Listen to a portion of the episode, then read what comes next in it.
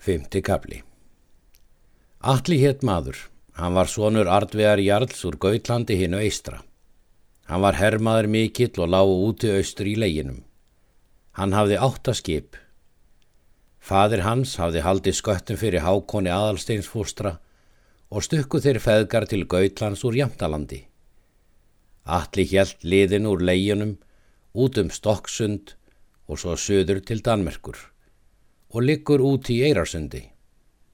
Hann var og útlægi bæði Danakonungs og Svíakonungs af ránum og mandrápum er hann hafði gert í kvoru tveggja ríkinu.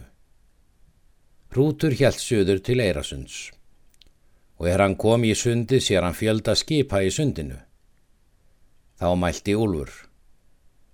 Hvað skal nú til ráða taka Íslendingur? Halda áfram ferðinni, segir Hrútur, því að ekki dýir ófreistað. Skal skip okkart össurar fara fyrst, en þú skalt leggja fram sem þér líkar. Sjaldan hefi ég haft aðrað skildi fyrir mér, segir Úlfur. Leggur hann fram skeiðina, jafn fram skipi hrúts og halda svo fram í sundið. Nú sjá þeir er í sundinu eru að skip fara að þeim og segja alla til. Hann svaraði. Þá gefur vel til fjára að vinna og reki menn af sér tjöldin og búist við sem kvatlegast á hverju skipi. Skip mitt skal veri í miðjum flottanum. Síðan greitu þeir róðurinn á skipum hrúts og þegar er hvorir heyrðu mál annara stóð allir upp og mælti. Þér farið óvarlega. Sáu þér eigi að herskip voru í sundinu eða hvert er nafn höfðingja eðvars? Hrútur heiti ég, segir hann.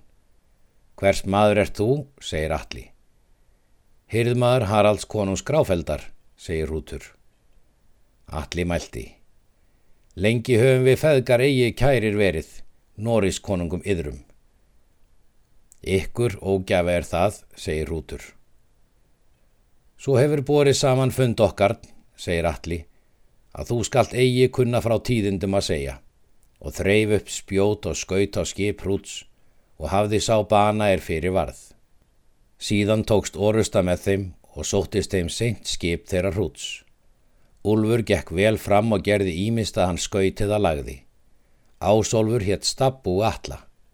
Hann hljóp upp á skip hrúts og varð fjögur að manna bani, áður hrútur varð var við. Snýr hann þá í mótónum. En er þeir finnast á leggur ásólfur í skjöld hrúts og í gegnum, en hrútur hjó til ásóls og var það bana högg. Þetta sá Úlfur óþvegin og mælti.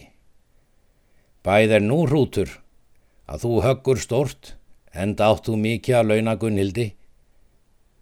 Þess varir mig, segir Rútur, að þú mælir feigum munni.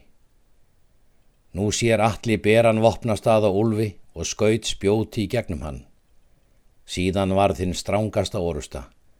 Allir hleypur upp á skipa Rúti og riðstum fast og nú snýr í mót honum össur og lagði til hans og fjett sjálfur á bak aftur því að annar maður lagði til hans. Hrútur snýri nú í mót alla. Alli hjó þegar í skjöld hrúts og klauf alla niður. Þá fekk alli steinsök á höndina og fjall niður sverðið. Hrútur tók sverðið og hjó undan alla fótinn. Síðan veitti hann honum bana sár. Þar tóku þeir mikið fjö og höfðu með sér tvö skip þeir best voru og dvöldust þar litla hríð síðan. Þeir sóti fórust hjá. Sildi hann aftur til Noregs kom hann við Limgarsíðu og gekk þar á land. Þar mætti hann augmundi Sveini Gunnhildar. Augmundur kendi sóta þegar og spyr hann, hver lengi ætlar þú hér að vera? Þrjár nætur, segir sóti. Hvert ætlar þú þá, sagði augmundur. Vestur til Englands, sagði sóti, og koma aldrei til Noregs meðan ríki Gunnhildar er. Augmundur gekk þá í braut og fer að fund Gunnhildar því að hún var það hann skamta á veistlu og Guðröður sonur hennar. Augmundur sagði Gunnhildi frá ætlan sóta. En hún bað þegar Guðröð svon sinn fara og taka sóta lífi.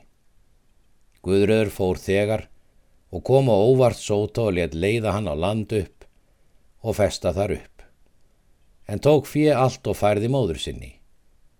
Hún fekk til menn að færa allt fjöð á land upp og austur til konungahellu og fór sjálf þangað. Hrútur helt aftur um haustið og hafði fengið fjár mikils og fór þegar á fund konungs og hafði af honum góðar viðtökur. Hann bauð þeim að hafa slíkta fjennu sem þeir vildu en konungurinn tók af þriðjungin. Gunnhildur segir Rúti að hún hafiði tekið erðina en látið drepa sóta. Hann þakkaði henni og gaf henni allt hált við sig.